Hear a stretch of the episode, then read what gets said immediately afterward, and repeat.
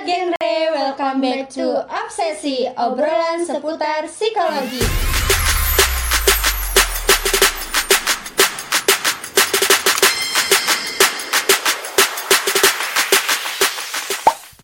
Halo, perkenalkan, aku Teresia Angelina, biasa dipanggil Tere dari Pendidik Sebaya.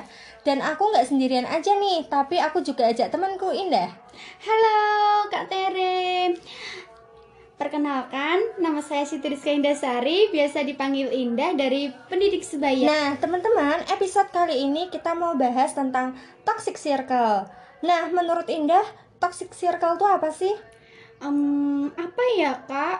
Toxic circle itu aku juga nggak tahu apa Gimana kalau kita panggilin narasumbernya aja nih Kak? Boleh tuh kak, yuk kita panggilkan Mutiara dan Salma. Jeng, jeng, jeng. Jeng, jeng. Halo Kak Mutia sama Kak Salma, halo Halo. Halo, yuk boleh perkenalkan diri dulu. Oke, halo, perkenalkan namaku Mutiara Febrita, biasa dipanggil Mutiara dari Divisi Konselor Sipayat. Eh, halo, nama saya Salma Nabila Zahra, biasa dipanggil Salma. Saya juga dari Divisi Konselor Sebaya. Oh iya nih Kak Eh, Gimana nih eh, kabarnya Kak Mutia sama Kak Salma? Alhamdulillah baik nih kak, kakak sendiri gimana? Oh, kalau saya sih alhamdulillah selalu baik dong. Alhamdulillah. Kalau Kak Salma gimana nih? Alhamdulillah luar biasa. Eh, semoga sehat selalu ya buat teman-teman semua dan saya juga. Amin. Nah, untuk Kak Mutia dan Kak Salma, hari ini kan kita episode kali ini mau bahas tentang toxic circle. Menurut kalian berdua, apa sih toxic circle itu? Siapa dulu nih? Ayo, Siapa Ayo aja dulu siapa dulu apa? nih? Satu, dua, Oke, tiga, empat. aku dulu ya. Menurut aku toxic circle tuh eh, lingkungan yang membuat kita tuh berpikiran negatif dan nggak bisa berkembang gitu, yang memberi tampak negatif ke kita. saya sendiri sih sama sih intinya toxic circle itu adalah lingkungan yang membawa eh, energi negatif buat diri kita. Jadi kita tuh nggak bisa berkembang gitu. Kurang lebihnya sama ya. Nah, gimana nih Kak? Eh, pernah nggak berada dalam lingkungan toksik itu sendiri? Kak Mutia pernah nggak? Aku sih ngerasanya pernah ya, tapi nggak tahu juga sih ini toksik apa enggak. Menurut kalian aja ya. Coba aku bisa ceritain, Bisa bisa boleh boleh Kak. malah nawarin. Nggak apa-apa. Nggak apa-apa dong, ya kan kita sharing di sini. Iya. Jadi gini, aku tuh pernah ya di lingkup sebenarnya nggak lingkup juga sih kayak hubungan antar dua orang gitu. Aku tuh punya temen yang kalau dia tuh kalau cerita pingnya didengerin, tapi giliran kita yang cerita dia tuh kayak nggak peduli gitu, nggak nanggepin, nggak ngerespon gitu. Menurut aku itu apa toksik sih karena secara tidak langsung kan berarti dia mementingkan diri sendiri gitu. Oh iya. Kalau Kak Salma sendiri pernah nggak sih dalam lingkungan toksik? Eh, mungkin tanpa disadari pernah ya kak, cuman eh, kurang ngerasa aja, kurang sadar bahwa itu ternyata toxic circle bagi kita. Nah, eh, sadar-sadar gili- giliran sekarang tuh kayak, oh kok kenapa sih aku kayak gini gitu? Itu karena mungkin kebawa pengaruh dari eh, lingkungan yang dulu gitu. Mungkin Oh, karena iya, iya. ada toxic yang dulu itu dan aku keluar dari situ gitu. Bisa nggak sih Kak diceritain kalau misalnya tadi Kak Mutia kan dia menceritakan kalau toksiknya yang dia alami itu dua orang bareng maksudnya eh, mau minta diceritain giliran dia diceritain eh malah nggak dengerin kalau dari Kak Salma sendiri ada nggak sih pengalaman yang kayak gitu gitu Uh, atau kalau pengalaman yang kalau lainnya? pengalamanku sendiri sih temen ya temen dalam circle yang enam orang itu Mm-mm. itu tuh kayak hobinya menggibah terus suka jelek-jelekin orang suka komentarin orang dan itu bikin uh, bikin itu jadi rutinitas mereka gitu jadi itu menurut aku sih toksik sih soalnya membawa diri kita ke hal yang negatif gitu oh gitu positif. ya Kak Nah, ini aku mau tanya nih Kak, boleh nggak tanya lagi? Ya boleh boleh. Aku mau tanya eh, ciri-ciri apa sih toksik itu? menurut aku sendiri sih ciri-ciri toxic circle itu kayak kita sering di lingkungan itu mencari kesalahan kesalahan orang lain terus berpikiran negatif terus nggak menghargai usaha yang orang lain lakuin gitu Iya sih, bener banget. Kalau misal kita di lingkungan yang nggak bisa dukung apa yang kita lakuin itu kan juga nyiksa diri ya. iya Betul, bikin betul. stres gitu ya kak Mm-mm. Mm-mm, betul banget tuh kak Itu sih kayaknya ciri-cirinya. Oh, jadi ciri-cirinya gitu ya, Kak. Tapi eh, mau tanya nih, kalau namanya toxic circle kan kita berada di lingkungan yang beracun, ya kan? Namanya aja toxic. iya Tapi pernah nggak sih kita secara nggak sadar itu kita sendiri yang jadi orang yang toxic?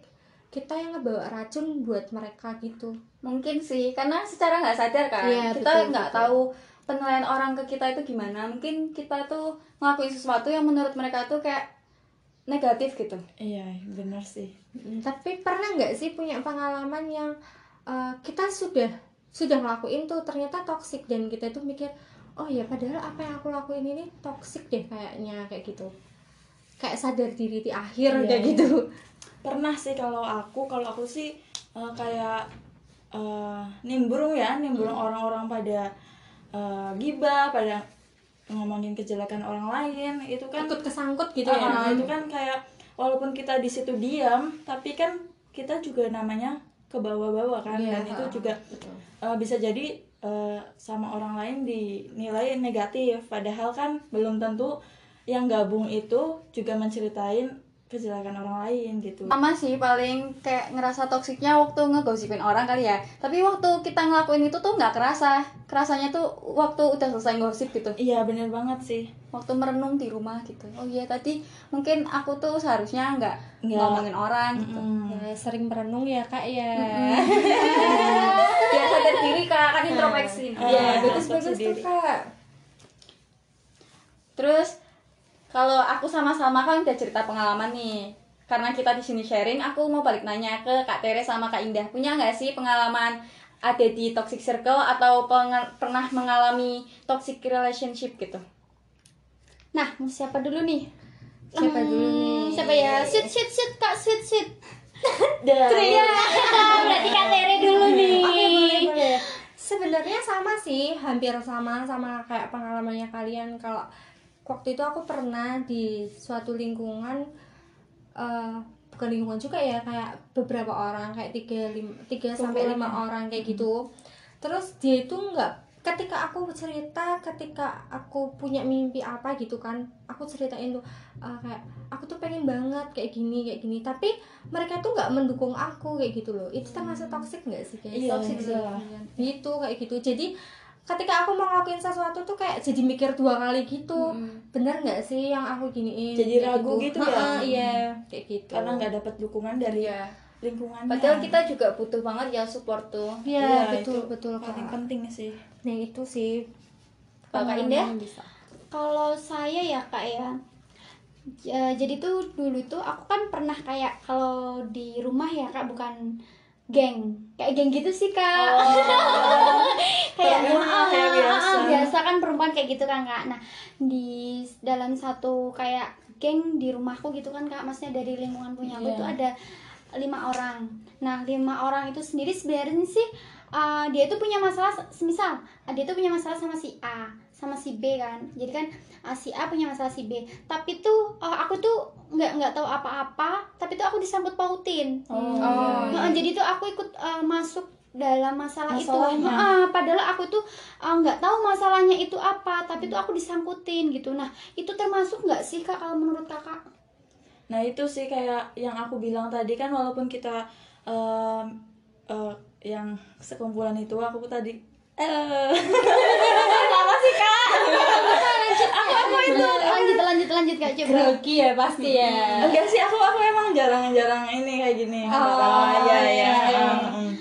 Jadi eh, sama seperti aku tadi kalau misalkan aku kan pernah itu di lingkungan enam orang itu kan nggak ngegosip walaupun aku nggak ngegosip kan berarti nama aku ke bawah juga dari Ah, sana ah, ya. iya ke bawah juga kayak gitu. Jadi eh, apa namanya kayak dia punya permasalahan terus tiba-tiba aku tanya atau apa dia tuh nggak mau jawab padahal tuh aku nggak tahu masalahnya gitu loh kak sebel banget tau jadi overthinking ya kak aku salah apa gitu Iya, jadi aku salah apa ya? Terus aku salah apa ya? Kok gini ya jadinya ya? Jahat banget tau kak. tertekan nggak sih kak Eh, iya sih, jadi kita itu kayak mikir gitu loh kak. Mm-mm. Tiap harinya eh, mau tidur kan, aku salah apa ya sama dia kok? Dia itu nggak mau, nggak mau Iya. bicara sama aku gitu. gengnya berarti bubar nih kak Gengnya iya sekarang bubar kak karena kalau sekarang kan udah dewasa nih kak saya kan sibuk nih temanku juga sibuk terus temanku juga ada yang nikah kak gitu jadinya Wow. udah udah udah udah bubar gitu itu dulu sih kak begitu nah kalau aku kan overthinking ya kak ya. Kak Tere juga jadi pikirannya jadi negatif gitu. Nah bagaimana menurut kalian akibat dari toxic circle itu sendiri nih kak? Boleh kasih tahu nih siapa dulu kita? nih? Siapa dulu nih? Mungkin bisa dari kak Salma dulu. Kalau menurut aku sendiri sih toxic circle kan luas tuh. Iya. Jadi eh, akibatnya tuh kan banyak jadinya ya. Ada negative thinking, terus ada overthinking, ada kurang pede sama kurang mencintai diri sendiri. Terus ada juga kalau misalkan toxic circle itu emang melukai kita, jadi itu kayak eh, kita jadi mudah marah, kita mudah emosi gitu. Kalau menurut Kak Tiara gimana? Mbak Tiara. kalau berdasarkan pengalaman aku ya itu tuh tampaknya aku jadi agak tertutup gitu loh. Jadi Oh, nggak iya iya. aku susah percaya sama Iya, orang gitu. kurang kurang percaya sama Iya, orang ya. karena kapok kan. Kalau kita cerita nggak ditanggepin. Jadi kayak aku kan cerita pingin uh, ada yang ngerespon gitu. Terus kenapa malah didiemin? Jadinya kayak aku tuh ah Negative males thinking. deh iya males deh cerita cerita lagi. Mendingan dipendam sendiri aja gitu sih. Jadi lebih tertutup sih jadi mikir dua kali nggak sih kak buat cerita gitu iya sih banget kak Karena ada pengalaman itu ya Mm-mm. yang kurang enak gitu. Iya betul betul. Tapi kalau tipe Kak Mutiara sendiri, ketika Kak Mutiara mau cerita itu butuh dikasih solusi atau sebenarnya cuma butuh ada orang yang dengerin aja sih Kak? kadang sih tergantung situasi mungkin ya kalau misal aku dalam masalah gitu eh, mungkin aku kadang butuh solusi gitu tapi kalau misal moodnya lagi sedih gitu emang aku pengen ada yang dengerin aja Iya sih betul. Berarti tergantung sama suasana ya Kak. Mm-mm. tadi kan kita udah bahas toxic tentang lingkungan ya kak lingkungan pertemanan nah saya mau tahu eh, ada nggak sih toxic di lingkungan keluarga ataupun tentang percintaan nah ada nggak nak ada nggak kak Ayo, siapa dulu nih?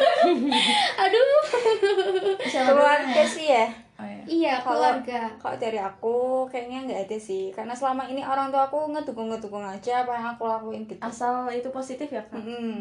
Tapi kalau yang dari sinetron-sinetron atau film-film yang aku pernah tonton itu kan ada ya keluarga yang toksik tuh kayak misal si anak tuh pinginnya A tapi malah dipaksa B gitu. Hmm. Mungkin itu ya kalau misal toksik di lingkung di lingkungan keluarga tuh. Tapi kalau saudara sendiri gitu pernah nggak sih Kak? Enggak sih kak kayaknya ya. Apa aku yang nggak inget atau gimana? Tapi kayaknya sih enggak aman-aman aja kalau lingkungan keluarga gitu. Kalau dari Kak Salma sendiri gimana? Sama sih dari keluarga ya mendukung, sangat mendukung ya. Terutama kalau misalkan berorganisasi itu Iya. eh, ibu saya kebetulan suka sama organisasi dan yang membuat toksik di lingkungan itu di lebih ke tetangga sih. Oh Ah, ah, iya. tetangga itu kayak ah apa sih ini ini nih gitu. Jadi eh, kalau misalkan kita nanggepin tuh ya, mereka bakal senang Ah. dan kita jadi kurang percaya diri gitu kan. Iya betul. Jadi eh, mau nggak mau eh, di nggak didengerin lah ya Iya. kayak gitu. Harus swag gitu ya. Iya. Karena jadi bahan gosipan. Iya. ya biasanya kalau kayak gitu kan emak-emak sukanya ah. rumpi ya Nah, itu. ya kayak kayak diremehkan gitu sih. Ah, Nah. Mak-mak itu kan nggak tahu apa-apa, taunya kan dari sisi luarnya aja kan, Iya, nggak tahu nggak dalamnya. tahu dalamnya Ah, gimana padahal, kan. padahal kan kita keluar kayak gitu kan kita berorganisasi Iya, ya benar ya. banget. Nggak main nggak apa kan. Pulang pulang malam sedikit digibahin. Iya. Iyalah. Tuh. Apalagi kalau misalkan dianterin sama temen cowok, padahal kan itu bisa jadi khawatir kalau kita misalkan Di eh, jalan. di Di jalan jalan, ya. Nah, karena kita perempuan gitu, Iya. apalagi rumahnya jauh. Iya. Nah itu jadi bahan gosipan biasanya sama mak-mak. Iya betul banget. nah aku mau sedikit cerita nih kak. Tapi jangan diketawain ya kak ya. Iya, iya. nah kalau aku itu toksisnya itu tentang percintaan kak. Dalam banget tuh kakaknya. iya ya allah kak. Jadi gini eh, kan gini ya kak. Aduh aku ngomongnya gimana Aduh ya? jangan nangis dong kak, Iya. jangan nangis. Iya kalau dulu ya kak. Kalau pacarku sendiri ya pacar bilangnya. Nah pacarku itu eh, kayak ada cewek dia tuh mencoba deketin kayak gitu loh kak Mendua gitu ya? Hmm, ceweknya yang deketin cowok. ceweknya kayak deketin gitu loh kayak emang dia tuh pengen masuk dia dari hubungan aku gitu Oh. Tapi cowoknya kakak gimana? kalau cowoknya aku ya eh, nanggepin kak ya kak, lagi musim kayaknya. Kalau cowokku tuh nanggepin eh masya allah katanya itu eh, pelakor gitu ya? katanya Karena ya ada kak kesempatan sih ya. Heeh, katanya itu karena dia tuh kasihan awalnya ya kak ceweknya Iya. itu kayak curhat gitu loh kak Oh iya. curhat terus Biasa. jadinya tuh si cowok si cowokku itu kayak ngerasa kasihan Iya. kasihan terus akhirnya deket Ada nah perasaan. ada perasaan nah tiba-tibanya nih kalau biasanya kan cowok yang suka sama cewek kan nembak kayak gitu kak nah ini kebalikan kak ceweknya nembak si cowok aku Hmm. Ya ampun. ampun. nah itu gimana tuh kak ih mm, kudu ih ih, ih gitu Kak. putus kan kak? Eh, sekarang iya udah putus Alhamdulillah. Tapi dulu waktu eh, apa sih yang dilakuin sama Kak Indah setelah tahu cowoknya kayak gitu sama cewek lain? Langsung diputusin atau kasih kesempatan atau gimana? kalau saya ya kak ya mau ngomongnya gimana ya Apa ya kak? ya awalnya tuh eh, kayak kaget gitu loh kak kaget kan terus kok gitu sih? Ih cowokku kok gitu sih? Ternyata gitu ya. Heeh, ternyata kok gitu menduain aku. Ya allah padahal aku kan nggak pernah menduain gitu loh. Terus setia dia iya dong kan saya kan tipe cewek setia kak Iya. gitu. Ya terus akan berpikir kan kak berpikir berpikir berpikir oh mungkin ini yang terbaik. Mungkin ini yang terbaik jadi aku udahin aja gitu. Iya. Daripada tersakiti terus ya kak? Iya, tapi tuh eh, cowoknya itu nggak mau kayak gitu loh kak, Nggak mau diputusin? nggak mau gitu. Oh marung berarti dia Iya. Serakah ya? nggak mau diputusin gitu kak. Nah itu gimana ya? Ya bagus sih kalau Kak Indah menyadari kalau itu suatu hubungan yang nggak baik buat Iya. kakak gitu. Iya nggak mau diputusin terus dianya akhirnya ngejar-ngejar kayak gitu sih kak. Terus Nggak tahu malu. maunya dua ya nggak mau satu ya kak ya. Hmm. Emangnya Sarimi ya kak? Iya Sarimi. Oh, kalau misalkan dari kakak-kakak semua nih Gimana? Eh, ada kisah percintaan gitu atau apa? Kalau dari aku nggak ada sih. Aku juga nggak ada sih. Terus aku ada lagi nih kak. Oh, banyak ya kak? Dulu itu aku sempet diputusin kak. Hmm. diputusin Karena apa tuh? karena uh, jadi tuh saya itu kan si cowok itu si cowokku itu pengen nikah kak pengen Hmm. nikah nah aku tuh nggak mau kak Iya. aku tuh pengen mengejar cita-cita gitu kan aku pengen kuliah gitu kan Iya benar sih. Terus akhirnya dia tuh cuman uh, kasih alasan kamu nggak mau nikah sama aku ya udah kita putus gitu Iya. kita putus dia dia bilang kayak gitu kak terus oh ya udah gitu kan ya udah kan aku mau nggak mau kan dia aku harus ngikutin dia kan Iya.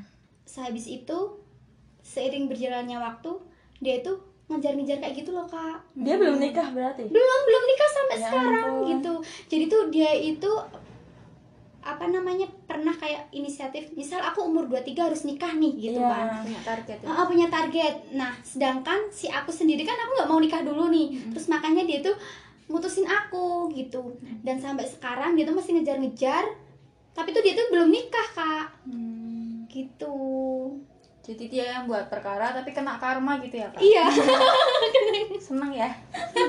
yang ada-ada wah bahagia Tapi banget gitu masih ada perasaan ya sih? Kalau perasaan sih udah nggak ada udah nggak ada sama sekali. Karena Oh, memang udah disakitin. Oh iya. Heeh, disakitin cuman nggak mau nikah udah gitu. Langsung diputusin gitu loh. Itu kan rasanya ya Allah kok Terus gitu ya ada gitu. trauma nggak sih buat menjalin percintaan yang baru? ada Ada. ada. Untuk sampai saat ini saya masih sendiri. Di promosi ya kak Semoga mantannya denger ya kak. Jadi dia sadar gitu ya kalau kakak udah nggak mau gitu ya. iya. Bagus lagi kalau ini podcastnya dikirim ke mantan. oh iya iya. Iya, bisa bisa. banget. nanti hadiahnya nggak kesinggir gitu ya kak. Nah, waktu hari ulang tahunnya aja nggak apa-apa. Ini aku kasih hadiah eh ternyata podcast. Iya cocok cocok. Oke teman-teman pendengar setia obsesi kita sudah di penghujung podcast kali ini tentang toxic circle. Nah untuk terakhir pertanyaan terakhir nih buat Kak Mutia dan Kak Salama. Boleh dong bagi tips dan triknya gimana sih biar kita itu nggak terjebak di toxic circle. Siapa dulu nih? Terserah deh Oh, siapa aja. Aku dulu ya.